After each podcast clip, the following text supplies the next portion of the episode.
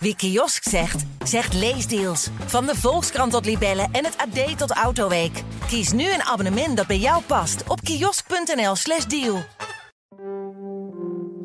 De energiecrisis, de stikstofcrisis, de klimaatcrisis. Je kunt er neerslachtig van worden, maar dat doen we niet. Mijn naam is Nienke Zoetbrood. En ik ben Hanne van der Wurf. En dit is De Klimaatkwestie, de groene podcast van Trouw. Samen onderzoeken we wat er speelt en wat we doen om ervoor te zorgen dat de aarde niet vergaat.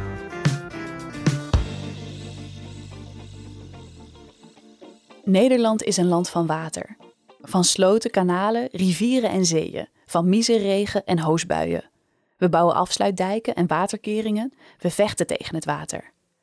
En toch zijn we de laatste jaren van een land van water ook een land van droogte geworden. Droog, blauw, zon, warmte, hitte. Door de aanhoudende droogte is er in ons land officieel sprake van een watertekort. Gelderland mag overdag niet meer gesproeid worden met grondwater. Hoe kunnen boeren met de droogte toch een goede oogst krijgen? Door de aanhoudende droogte is het meertje vrijwel helemaal drooggevallen. Door de aanhoudende droogte is de brandweer alert op natuurbrand. Wat kunnen we daaraan doen? Zo, zo. We kunnen er zo doorheen. Even een beetje opletten. Ja. Louis Lansink waat met grote passen door het water heen. Hij heeft kort haar en een brede grijns. Nou, de laten ze net zijn net lang genoeg. Hij werkt bij het waterschap Rijn en IJssel, hier in de Achterhoek. Hij kent het hier zo goed dat hij precies weet waar hij moet lopen, zodat het water niet zijn laarzen instroomt. We stappen nu de Vorderse beek in.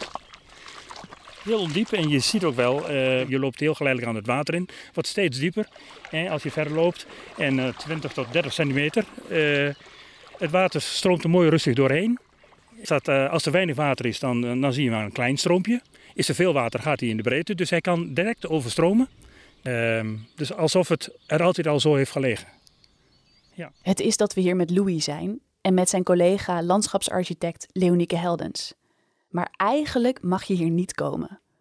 De beek ligt namelijk op een groot landgoed in de Achterhoek, het Medler, waar nog altijd een adellijke familie woont. Vanaf waar Louis en Leonieke in de beek staan, kun je net niet hun kasteel zien.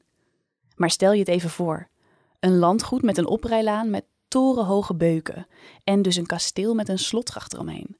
Eromheen liggen weilanden die de adellijke familie aan boeren verpacht.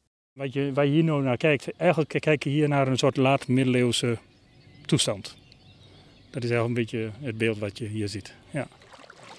En dus deze beek, die, zoals Louis het zei, erbij ligt alsof hij er altijd zo gelegen heeft. Oh ja, dat kan. Ja, er zit een veenlaagje nog iets. eh, Zoals het water hier over de vlakte stroomt, ziet het er on-Nederlands uit. Maar dat is niet het enige on-Nederlandse. Terwijl het landhuis oorspronkelijk in een moerasgebied werd gebouwd, staan we nu in een ernstig verdroogd gebied. On-Nederlands droog.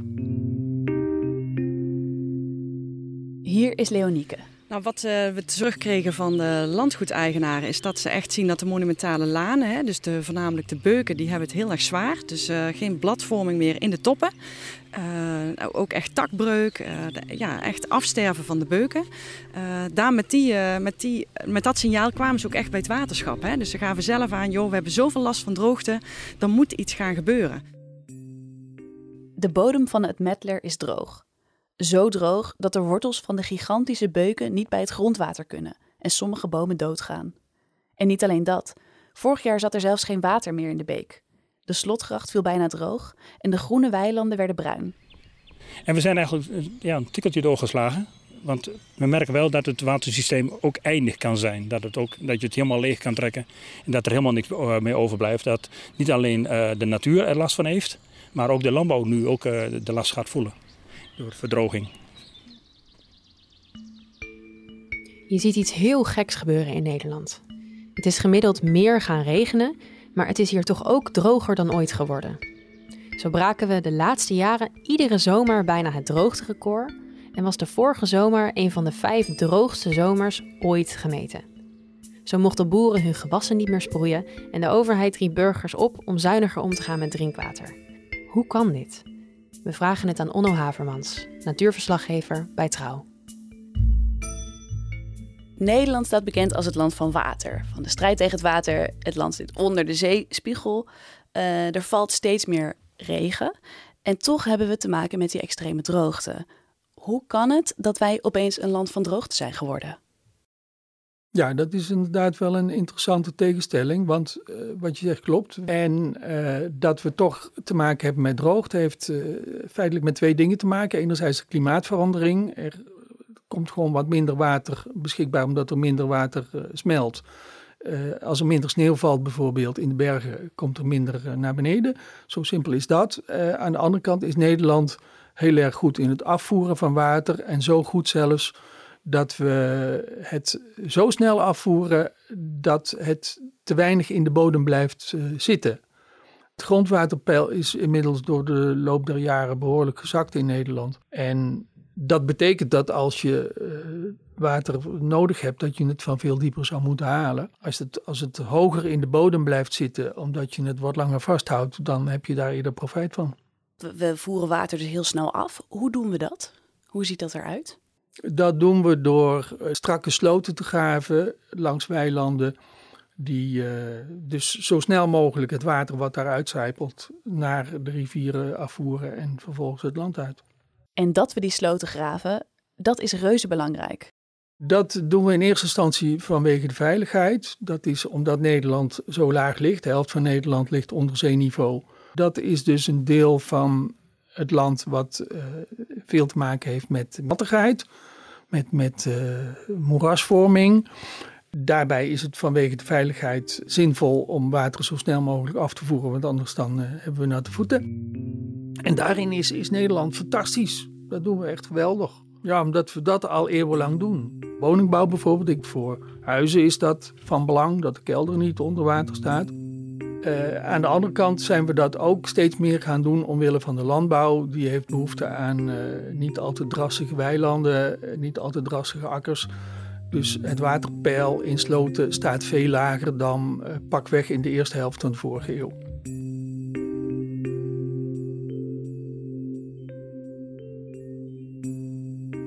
We hebben in Nederland ruim 330.000 kilometer aan sloten en beken. Dat is wat je ziet als je met het vliegtuig aankomt. Al die perfecte rechthoekjes groene polder, gescheiden door bruine strepen water. Maar die sloten en die beken, die lagen niet altijd zo kaarsrecht. Die zijn vanaf de jaren 50 zo recht gemaakt, zodat de weilanden droger werden. Zodat er gewassen verbouwd konden worden of koeien in de wei konden grazen. En dat was ook zo op het landgoed Het Medler in de Achterhoek. Leonieke en Louis stappen de ondiepe beek uit en lopen een stukje door het weiland tot we een sloot zien, de Baakse Beek. Ja, we kunnen zo, we kunnen zo hier over de enkel lopen. Ja, is prima. Ja? Ja? ja? Dan krijg je een beetje gevoel waar je uh, wat van doen zijn. Deze is in de vorige eeuw uitgegraven omdat het hier zo nat was dat je de grond niet kon gebruiken. Nu is het eerder een boosdoener geworden. Dit is dus de bestaande huidige Baak. Dit is de huidige Baakse Beek die je nu ziet. Een rechte lijn door het landschap huidige Baakse beek die is hier uh, twee meter diep. Dus als ik eronder in sta, dan kan ik er niet uh, bovenuit kijken. En ja, dat kun je wel voorstellen, dat is een hele grote bak, 7 meter breed. Om uh, ervoor te zorgen om het water zo snel mogelijk het gebied uit te jagen. Want de oude generatie weet nog dat het hier van vroeger het nat was. Oorspronkelijk is het Medler is, is begonnen op een, op een eiland midden in het moeras. Het was hier zo nat dat je nauwelijks kon boeren. En dus vroegen de landeigenaren na de Tweede Wereldoorlog of het waterschap de boel hier alsjeblieft droger wilde maken. Uh, dit gebied was eigenlijk een beetje een achtergesteld gebied. Uh, veel te nat voor de landbouw eigenlijk. En men wilde ook meedoen uh, met de rest. En met, echt met, met, met kracht werd, dat, werd het eigenlijk geëist eigenlijk. Van wij willen ook ontwaterd worden. Wij willen ook goede landbouwgronden hebben om gewassen te kunnen verbouwen. En dus werd de van nature kronkelende beek rechtgetrokken en kwam het grondwaterpeil een halve meter lager te liggen. Alleen doet de beek nu zo goed zijn werk dat de weilanden verdrogen en de beuken doodgaan. En om die verdroging tegen te gaan, staken het waterschap, de provincie en de landeigenaren de koppen bij elkaar. Ze wilden de kaarsrechte beek dempen en het water weer laten stromen waar het vroeger stroomde. Maar dat vonden de eigenaren toch lastig. Ja, dat, dat, dat, dat gaat ook ehm, eh, gepaard met, met emotie bij zulke mensen. Hè. Die hebben er ook wel best wel moeite mee. Met, die zeggen van de uh, welvaart die, die kwam toen, toen de beken hier op orde waren. En nu willen jullie dat terugdraaien. Dus die hebben best wel zorgen daarover. Uh, maar toch zie je ze wel meebewegen in het hele verhaal. Want ze, ze snappen ook dat de boel hier verdroogt en, en, en dat het uh, uh, ja, rampzalige gevolgen heeft als we helemaal niks doen. Het water laten stromen zoals het vroeger stroomde. Hoe doe je dat? Want een, een gemiddelde waterschap die weet alles van, van de huidige beek, alles. Maar als je hem vraagt van hoe zat het dan in zijn natuurlijke vorm, dan wordt het wel heel vaak angstvallig stil bij de meeste waterschappers. Omdat we het gewoon niet meer weten. Nou, dan hier heb ik een oude kaart. Dit is eigenlijk de allereerste kaart die ik hiervoor gebruikt heb. En, krijgt ook al cultuurhistorische waarde deze kaart. uh, maar het is een hoogtekaart en dan de rode delen, zeg maar, dat zijn de hoge delen. En dan de, de blauw-paarse delen, zijn de lage delen. En de vormen kun je, kun je ontdekken, zeg maar, waar het water heeft gestroomd. Dan krijg je een overzicht, een ruimtelijk overzicht van hoe het watersysteem in elkaar heeft gehaakt. Op die plekken waar volgens de oude kaarten vroeger water liep, schraapte een graafmachine het bovenste laagje van de grond af. Er ontstond een brede, ondiepe greppel en daar wordt het water nu naartoe geleid. Dat is dus waar we eerder in het water sopten. Dat is de nieuwe, maar dus ook oude beek. Zij kronkelt echt zo door het landschap heen. En waarom was het noodzakelijk om dit, waarom was dit nodig om deze beek helemaal hier naartoe te verplaatsen en neer te leggen? echt water vasthouden. Hè? Dus langzaam het water laten infiltreren in het gebied. Zo'n Baakse beek die gegraven is, voert veel te snel water af. Dat willen we niet meer. We willen veel langer water vasthouden in het gebied.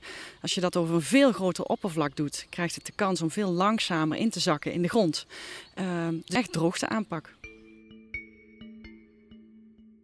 Een brede, natuurlijke beek, zodat de bodem zich vol kan zuigen, als een soort spons, zodat de regen niet meteen wegstroomt.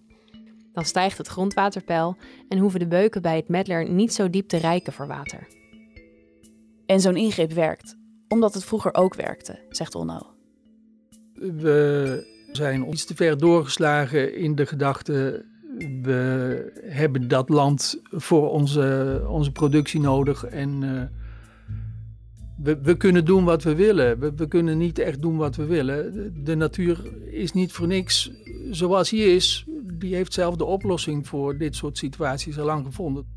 Wat, wat betreft die weersomstandigheden zijn we waarschijnlijk iets te ver doorgeschoten in die efficiëntie van het landschap. En is het logisch om dat weer enigszins terug te brengen in hoe het ooit was. Omdat dat achteraf gezien best goed bleek te werken. Sommige boeren zien dat anders.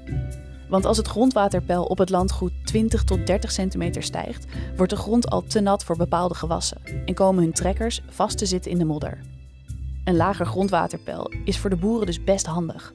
Het werkt op korte termijn heel goed. Alleen op de lange termijn, als je dit jarenlang volhoudt, dan put je de bodem uit. Dan spoelt er behalve water ook van alles wat in die bodem zit weg. Dus dan heb je weer meer mest nodig om het uh, vruchtbaar te maken. En je krijgt steeds meer verdroging daardoor. Hoe ze dit op het Medler uiteindelijk opgelost hebben, daar komen we zo op terug. Maar eerst het herstellen van verdroogde grond. Dat gebeurt niet alleen op het landgoed in de Achterhoek. Dat gebeurt op allerlei plaatsen in het land. Ook in de Achterhoek heb je een uh, natuurgebied, de Zumpen, waar een deel landbouwgrond aan is toegevoegd 20 jaar terug. En eh, die wordt ontwikkeld tot natte natuur. Juist ook nu in de afgelopen natte winter en het natte voorjaar blijkt uitstekend te hebben gewerkt. Je ziet het in de Noordwaard bij Dordrecht, waar ook landbouwgrond voor een deel wordt uh, gereserveerd om weer te mogen overstromen.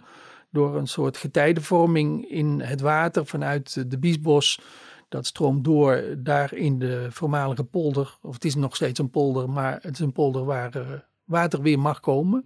Dus delen van het jaar overstroomt de grond.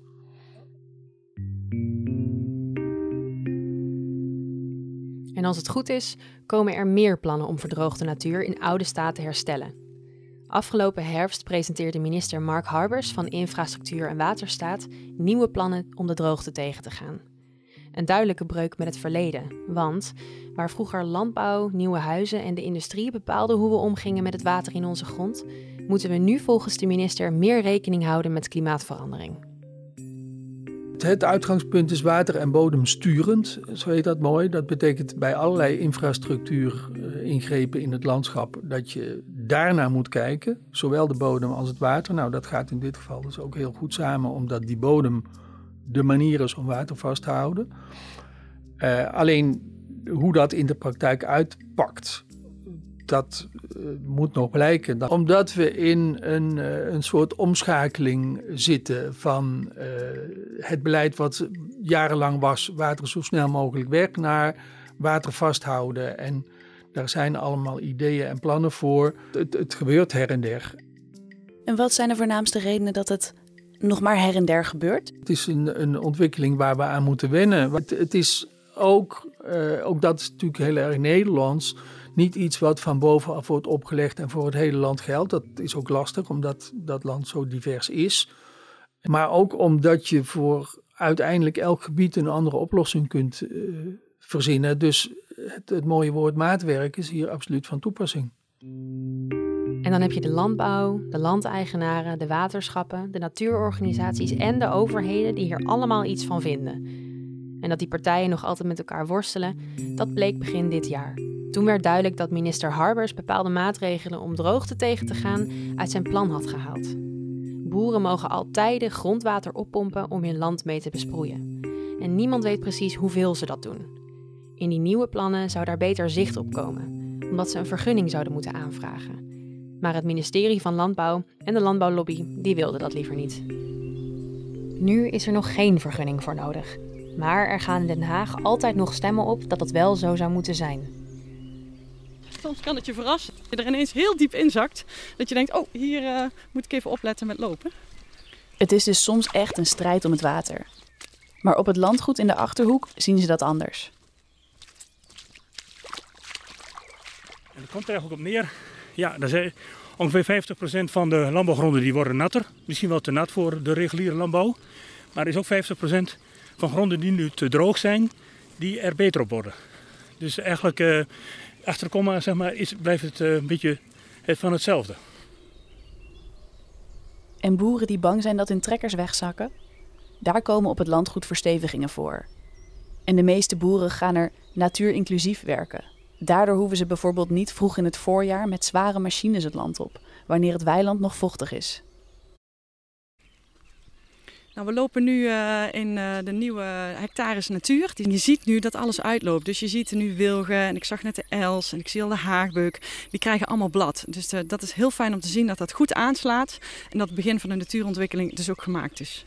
Je ziet veel meer grotere diversiteit aan flora, dus aan plantjes, verschillende planten. Maar je ziet ook, of je hoort ook echt diverse verschillende vogels. Nou, we spraken net een van de eigenaren van het landgoed. Terwijl we stonden te praten, zei ze: Kijk, dit geluid heb ik al heel lang niet meer gehoord hier. Terwijl ze hier al heel veel decennia woont. Dus zelfs daaraan merk je dat, het, ja, dat wat we aan het doen zijn, ook voor de natuur, heel erg goed is.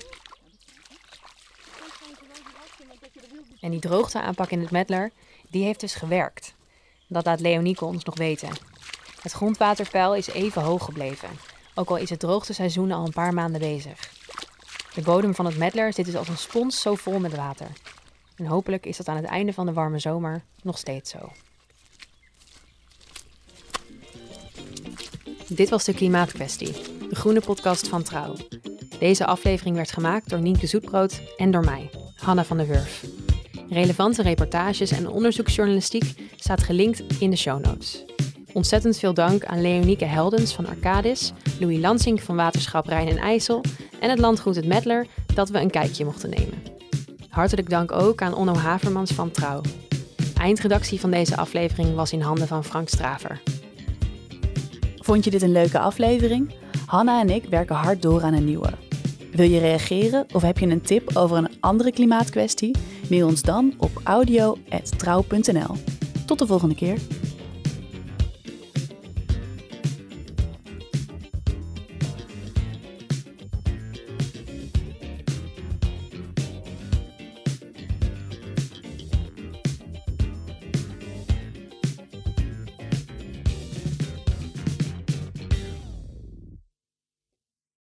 Wie kiosk zegt, zegt leesdeals. Van de Volkskrant tot Libellen en het AD tot Autoweek. Kies nu een abonnement dat bij jou past op kiosk.nl/slash deal.